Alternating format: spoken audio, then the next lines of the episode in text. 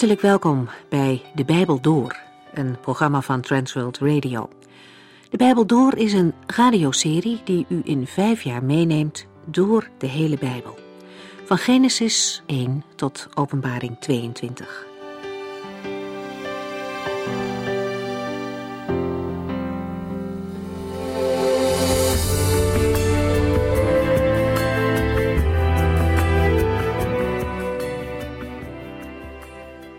De geschiedenis van Rut, daar pakken we de draad weer op. Rut heeft hard gewerkt vanaf de vroege ochtend. En Boas heeft haar gastvrij in zijn eigen kring opgenomen en gezorgd dat ze extra ruimte kreeg om gerst te verzamelen. Rut komt met een overvloed thuis bij haar schoonmoeder Naomi. En als die alles hoort, zegt ze: Prijs de Heere voor zo'n man. God is toch trouw aan de levenden en aan de doden. De ogen en het hart van Naomi gaan langzaam weer open voor de genade van God en de trouw, voor zijn goedheid en zijn leiding. Verdriet en tegenslag kunnen het zicht van een mens op Gods aanwezigheid en Gods trouw verhinderen. Dan zie je niet meer dat de Heere het leven van zijn kinderen leidt en hen brengt waar hij hen hebben wil. In deze geschiedenis zien we dat hij echter toch doorgaat en zijn plan uitvoert. Naomi krijgt meer zicht op het werk van God als ze weer terug is bij Gods volk. In Moab verloor Naomi het zicht op God en terug in Israël ziet ze zijn zorg. Boas is niet zomaar een man, hij blijkt ook familie te zijn en losser. Een losser moest in de familie van de overledene beschermen tegen verarming en tegen uitsterven van het geslacht. In het Oude Testament is Boas de enige losser die voorkomt. Maar daarnaast wordt de Heere zelf in Jezaja de grote losser voor Israël genoemd. Nieuwtestamentisch zou je Christus als losser of verlosser van de gemeente kunnen aanwijzen. En in al deze voorbeelden is het belangrijkste motief achter de lossing de liefde voor een vrouw, een volk of de gemeente. Wij lezen nu de eerste drie versen uit Rut 3.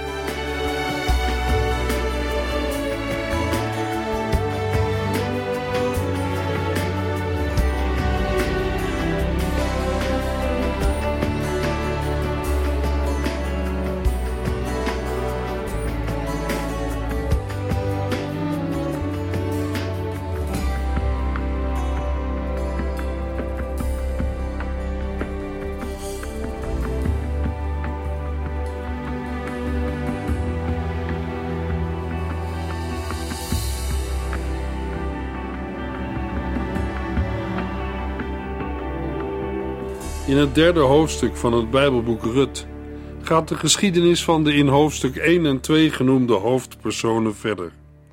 Rut 3, vers 1. Enige tijd later zei Naomi tegen Rut: Kind, wordt het niet eens tijd dat ik iemand zoek met wie je kunt hertrouwen? Naomi neemt het initiatief tot een huwelijksvoorstel. De ontvangen zegeningen hebben haar ogen geopend voor de gunstbewijzen van de Heere. Na haar in zichzelf gekeerde bittere houding richt zij zich nu op de toekomst. Wat staat haar schoondochter te wachten als zij, Naomi, er niet meer zal zijn? Zal Rut als onbeschermde weduwe achterblijven? Zij beraamt met al haar vrouwelijk inzicht een plan dat zij voorlegt aan Rut. Naomi stuurt duidelijk aan op een huwelijk tussen Rut en Boas. Het is niet uitgesloten dat ze hierdoor ook nog op nageslacht voor haar overleden man Elimelech hoopt, zodat zijn naam en geslachtslijn toch niet uit Israël zal verdwijnen. Voor alles blijkt Naomi bezorgd te zijn over Rut. Zij gunt haar weer een huwelijk. In de Hebreeuwse grondtekst staat letterlijk: Mijn dochter, zou ik voor jou geen rust zoeken? Opdat het goed met je gaat? Naomi treedt hier op als een ouder die overeenkomstig Oosters gebruik het huwelijk van een kind regelt. Hoewel zij de schoonmoeder van Rut is. Naomi spreekt haar schoondochter aan als mijn dochter en komt met de mededeling: Zou ik voor jou geen rust zoeken? Het woord rust houdt een veilige plaats in en duidt in het bijzonder op het vinden van rust en zekerheid bij een man en heeft daarom ook de bijbetekenis van huwelijk. Want in het oude Israël vond de vrouw haar zekerheid en plaats in het huwelijk. Rut 3, vers 2. Boas is zo vriendelijk geweest jou bij hem te laten werken, en bovendien is hij naast de familie van ons. Luister, ik weet dat hij vanavond gerst gaat wandelen op de dorsvloer. Naomi wijst op een mogelijke oplossing. Boas is naast de familie van ons. Opvallend is dat zij niet het woord losser gebruikt. Dit houdt mogelijk verband met het feit dat zij boven alles het welzijn van Rut voor ogen heeft en niet primair een huwelijk met een losser die een nakomeling zou kunnen verwekken. Naomi deelt mee dat Boas die avond gerst gaat wannen op de dorsvloer. Het is niet ondenkbaar dat Naomi hiervan op de hoogte was. In een klein stadje als Bethlehem kende men elkaar goed. Rut 3, vers 3 en 4. Doe nu wat ik je zeg. Neem een bad, doe wat parfum op, trek je mooiste kleren aan en ga naar de dorsvloer. Maar laat je niet zien voordat hij klaar is met eten. Let goed op waar hij gaat slapen. Ga er dan zachtjes naartoe, sla de deken aan het voeteinde op en ga daar liggen. Hij zal je dan wel zeggen wat je moet doen. Naomi legt Rut haar plan voor met daarbij een aantal instructies. Zij moet zorgen er goed en aantrekkelijk uit te zien. Vandaar de instructies tot het nemen van een bad, het opdoen van parfum en het aantrekken van de mooiste kleren. Doe wat parfum op betekent smeer je in met wat geparfumeerde olie. De mooiste kleren die ze moet aantrekken dienen ook om Rut helemaal te bedekken, om herkenning in het duister te voorkomen. Ruts verschijning overeenkomstig de instructies van Naomi betekent dat zij de rouwperiode over haar overleden man heeft beëindigd. Ook geeft Rut daarmee symbolisch aan dat zij als jonge vrouw beschikbaar is voor een huwelijk. Als Rut deze dingen heeft gedaan, moet ze naar de dorsvloer gaan. De dorsvloer bestond uit een open plaats op een rotsbodem of verharde aarde. De dorsvloer bevond zich op een hoger gelegen plaats, vaak iets buiten de stad, waar een zachte avondwind zijn werk kon doen. Omdat Bethlehem al wat hoger ligt, is het niet vreemd dat Rut moest afdalen naar de dorsvloer. Het woord afdalen vinden we in de Hebreeuwse grondtekst van vers 3. Als Rut bij de dorsvloer is aangekomen, moet zij zich verborgen houden totdat Boas klaar is met eten en drinken. Waarschijnlijk gaat Naomi met dit laatste ervan uit dat Boas dan in een goede stemming zal zijn en open staat voor wat Rut hem duidelijk wil maken. Uit de verzen die we hebben gelezen wordt duidelijk dat Rut uit zichzelf geen aanspraak zou maken op dat waar ze naar het Joodse recht wel aanspraak op kon maken. Daarom neemt Naomi het initiatief. Mogelijk was Rut niet bekend en vertrouwd met de wet over het leviraats of zwagerhuwelijk. Om te vatten wat er in de gelezen verzen en in Rut 3 gebeurt, is het nodig om de Joodse wetten die we hier tegenkomen te begrijpen. Ook voor ons zijn deze wetten vreemd. Om het een en ander beter te begrijpen, gaan we terug naar Deuteronomium 25, vers 5 tot en met 9. Als twee broers bij elkaar wonen en de een sterft zonder een zoon te hebben gehad, mag zijn weduwe niet buiten de familie trouwen. Integendeel, de broer van haar man moet met haar trouwen en ook met haar slapen.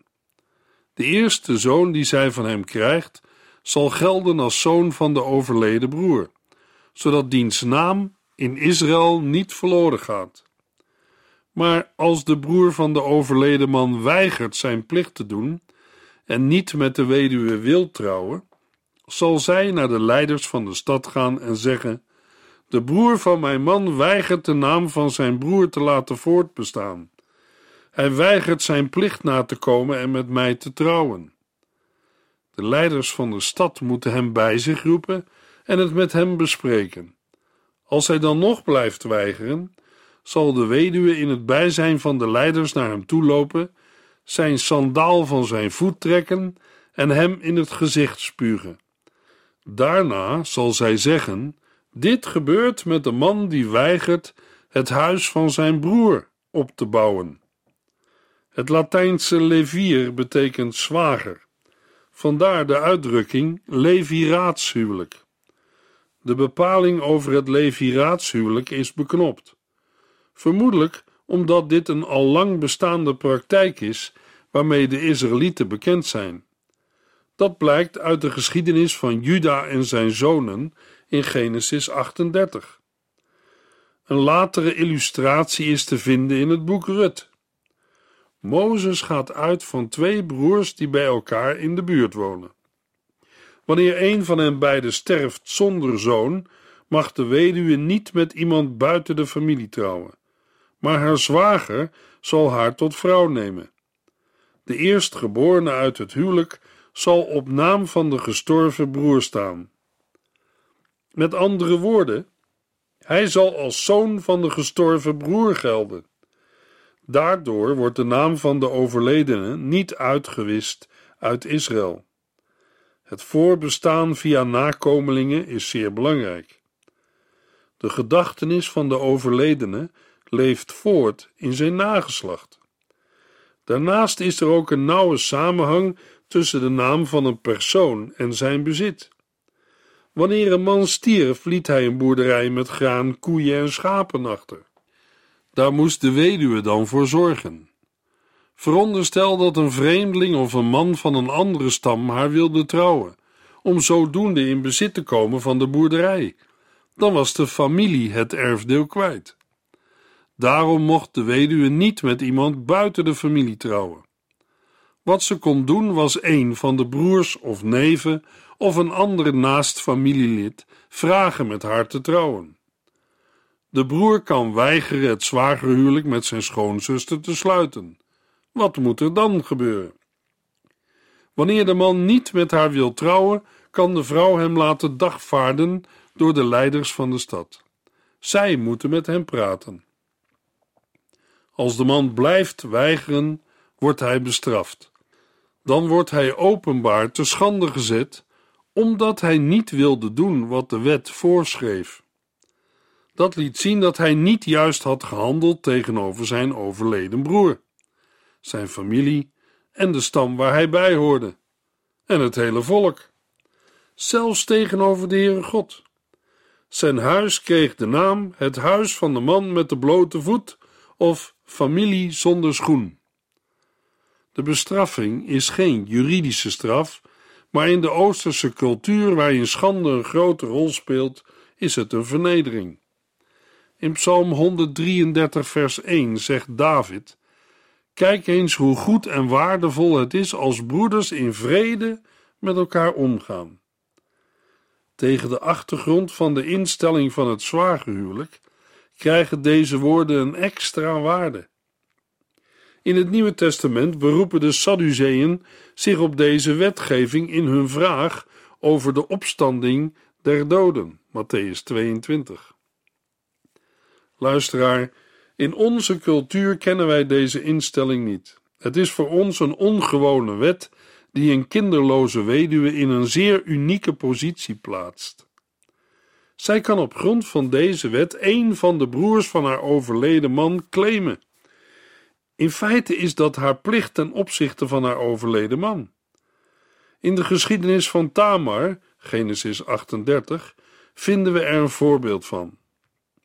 De wet op het zwagerhuwelijk was een verordening van de Heere.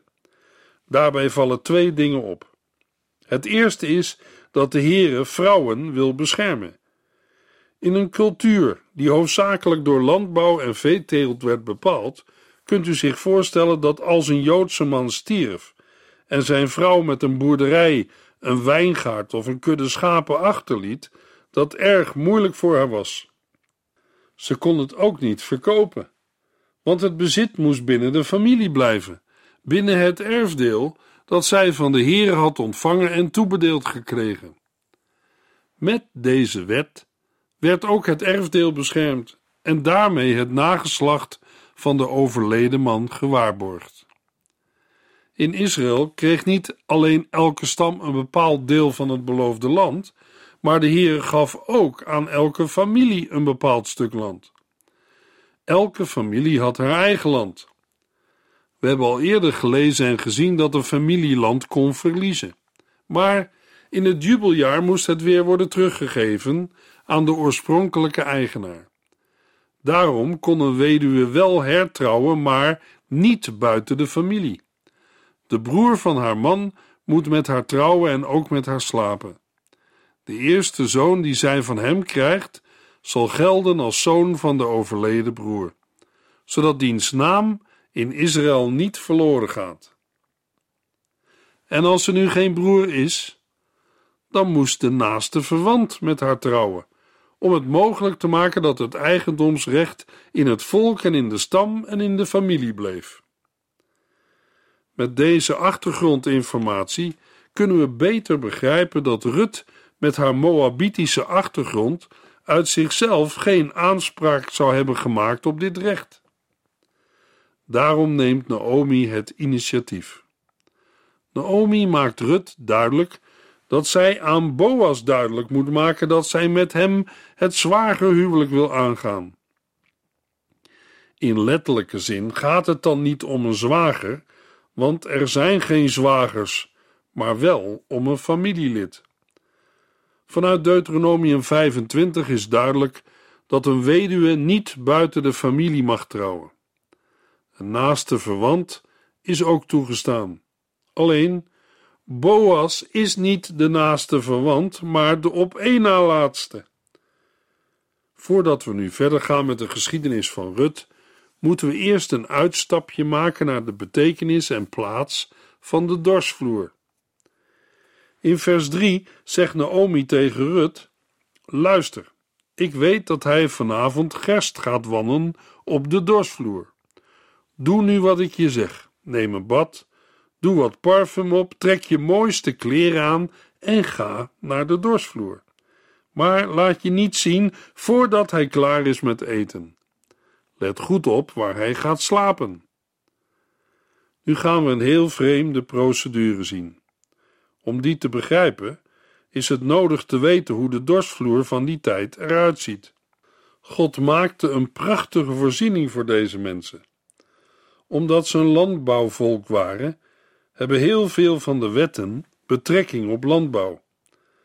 Het Mosaïsche systeem was niet alleen voor het volk Israël, maar ook was het voor dat land.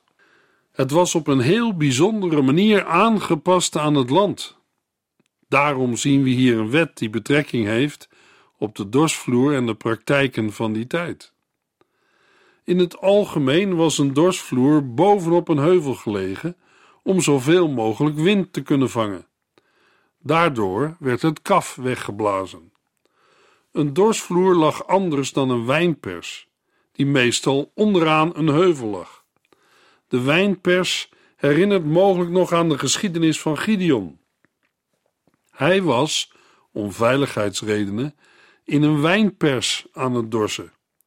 Hoewel de geschiedenis van Rut zich ook in de tijd van de richters heeft afgespeeld, was het klaarblijkelijk op een moment van rust en vrede in Israël. In Rut 1 lazen we dat Naomi had gehoord dat de hongersnood in Israël voorbij was. De dorsvloer was vaak op een rotsbodem of een vloer gemaakt van klei. Zo'n kleivloer was verhard en glad gemaakt. Meestal was een dorsvloer rond met rotsblokken eromheen. Nadat het graan was afgemaaid, werd het naar de dorsvloer gebracht. In de namiddag stak er meestal een briesje op. Zolang er een briesje bleef, werd er gedorst. Schoven graan werden op de vloer gelegd en door ossen vertrapt. Soms werd een slee gebruikt met aan de onderkant scherpe stukken basalt of ijzer. Bij het dorsen ontstaat het fijn getrapte stro dat onderscheiden moet worden van het kaf. Het stro was voedsel voor paarden, ossen, ezels en kamelen. Daarom mocht een dorsende os niet gemuilband worden. Deuteronomium 25, vers 4. Na het dorsen volgt het wannen, wat ook op de dorsvloer plaatsvindt. Eerst met behulp van de wanvork om het gedorste omhoog te gooien, waarbij het stro wordt afgescheiden. Als dan het koren en het kaf nog over zijn, wordt de wannerschop gebruikt om verdere scheiding te bewerken. Bij het wannen speelt de wind een belangrijke rol. Vaak moet er meer dan één keer worden gewand. Na het wannen kon nog het zeven of siften volgen. Het heen en weer schudden in een zeef om de kleinste ongerechtigheden te verwijderen. In verband met de regelmatige verandering van de windsterkte kan men het beste s'morgens of s'avonds wannen en bij heldere maan ook s'nachts. Het gedorste en gezuiverde graan werd bewaard in schuren. Onderaardse bewaarplaatsen voor graan kwamen vaak voor in kalkbodems en werden vooral in onrustige tijden gebruikt. Tijdens de dorsperiode kampeerden de werkers en hun families in de buurt van de dorsvloer. In die tijd werd ook het oogstfeest gevierd. De werkers sliepen meestal op de dorsvloer om het graan te beschermen tegen plunderaars en dieven. In Israël waren verschillende feesten verbonden met de oogst, bijvoorbeeld het feest van de eerstelingen.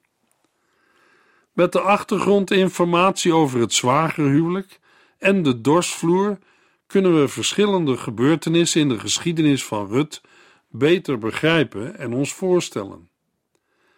Tijdens het hele oogstseizoen heeft Naomi, bij wijze van spreken, elke middag uit het raam gekeken en Rut zien thuiskomen van de akker van Boas. Zo was het ongeveer zes weken gegaan. In Rut 3 is al de gerst en tarwe verzameld, want het dorsen begint. Naomi heeft de verhalen waar Rut mee thuis kwam gehoord en alle opbrengsten die ze meebracht gezien. Naomi weet dat Rut erg bescheiden is en Boas een vriendelijke man vindt. Rut 3, vers 1 tot en met 3. Enige tijd later zei Naomi tegen Rut: Kind, wordt het niet eens tijd dat ik iemand zoek met wie je kunt hertrouwen? Boas is zo vriendelijk geweest jou bij hem te laten werken en bovendien is hij naast de familie van ons. Luister, ik weet dat hij vanavond gerst gaat wannen op de dorstvloer. Doe nu wat ik je zeg. Neem een bad, doe wat parfum op, trek je mooiste kleren aan en ga naar de dorstvloer. Maar laat je niet zien voordat hij klaar is met eten. Prachtig dat Naomi Rut helpt om bij Boas te komen. De geschiedenis gaat natuurlijk nog verder, maar voor deze uitzending stoppen we bij vers 3. Aan het slot van deze uitzending wil ik nog iets vertellen over de associaties die de instructies van Naomi oproepen in het licht van het Nieuwe Testament. Met typologische voorbeelden moeten we voorzichtig zijn en niet gaan fantaseren. Vaak is de wens de moeder van de gedachte. Toch vinden we in Ruts voorbereidingen op de ontmoeting met Boas een aantal elementen die relatie hebben met het komen van een zondaar tot Christus. Het eerste is: een zondaar is vuil en moet worden schoongewassen. In Titus 3, vers 5 lezen we hoe dat is gebeurd en op grond waarvan. Niet omdat wij het hadden verdiend, maar omdat Hij met ontferming over ons bewogen was en medelijden met ons had. Hij heeft onze zonden afgewassen, ons nieuw leven gegeven en ons vernield door de Heilige Geest. Johannes 3, vers 7 zegt de Heer Jezus tegen Nicodemus: U moet opnieuw geboren worden. Een mens kan niet gered worden tenzij Christus zijn of haar zonden heeft afgewassen en een nieuwe schepping in Christus Jezus is geworden. Het tweede dat Rut doet, is zichzelf insmeren met parfum. Het is te associëren met een zalving. Met betrekking tot een zalving geldt voor een nieuwtestamentische gelovige 1 Johannes 2, vers 20. U bent heel anders, want de Heilige Geest is in u komen wonen en daardoor kent u de waarheid. In een andere Bijbelvertaling staat: Gij echter hebt een zalving van de Heilige en gij weet dat allen. En wat u betreft, de zalving die gij van Hem ontvangen hebt, blijft op u.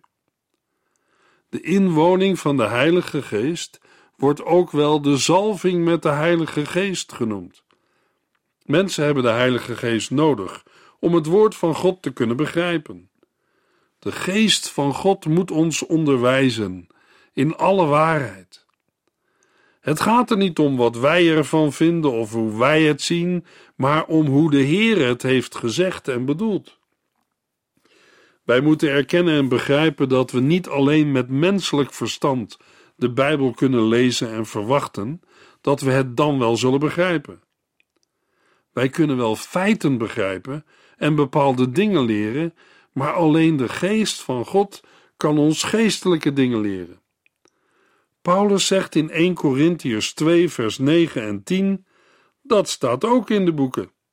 Wat niemand heeft gezien, niemand heeft gehoord en wat niemand ooit heeft bedacht, dat heeft God allemaal klaar voor hen die Hem liefhebben.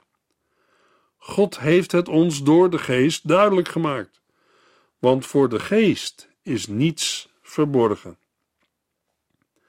Het derde dat Rut moest doen was: trek je mooiste kleren aan.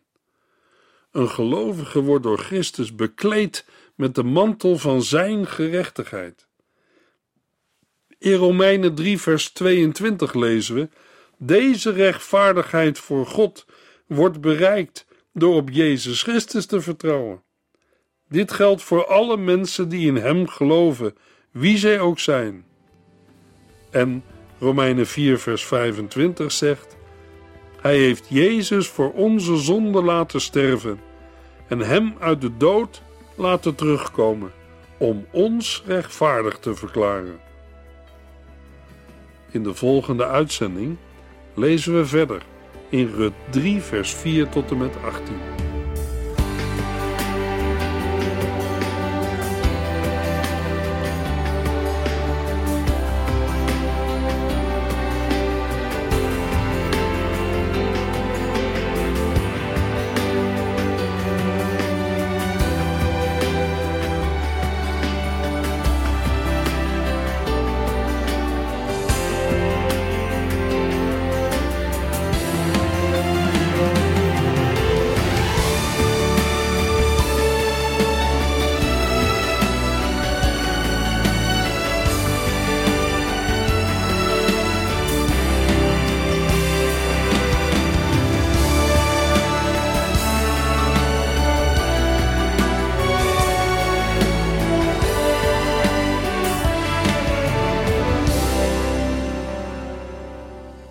Geluisterd naar De Bijbel Door. In het Nederlands vertaald en bewerkt door Transworld Radio. Een programma waarin we in vijf jaar tijd de hele Bijbel doorgaan. Als u wilt reageren op deze uitzending of u heeft vragen, dan kunt u contact met ons opnemen. Tijdens kantooruren kunt u bellen op 0342 47 8432. 0342 47 8432. 32. Ook kunt u een e-mail sturen naar de Bijbel door transworldradio.nl en natuurlijk kunt u ook via de post ons bereiken. TWR, postbus 371, postcode 3770, AJ in Barneveld. Dit programma werd gepresenteerd door Cor Weda en Ike André. Techniek was in handen van Odin van Woerdekom. En wij allemaal bedanken u voor het luisteren. Graag tot de volgende keer.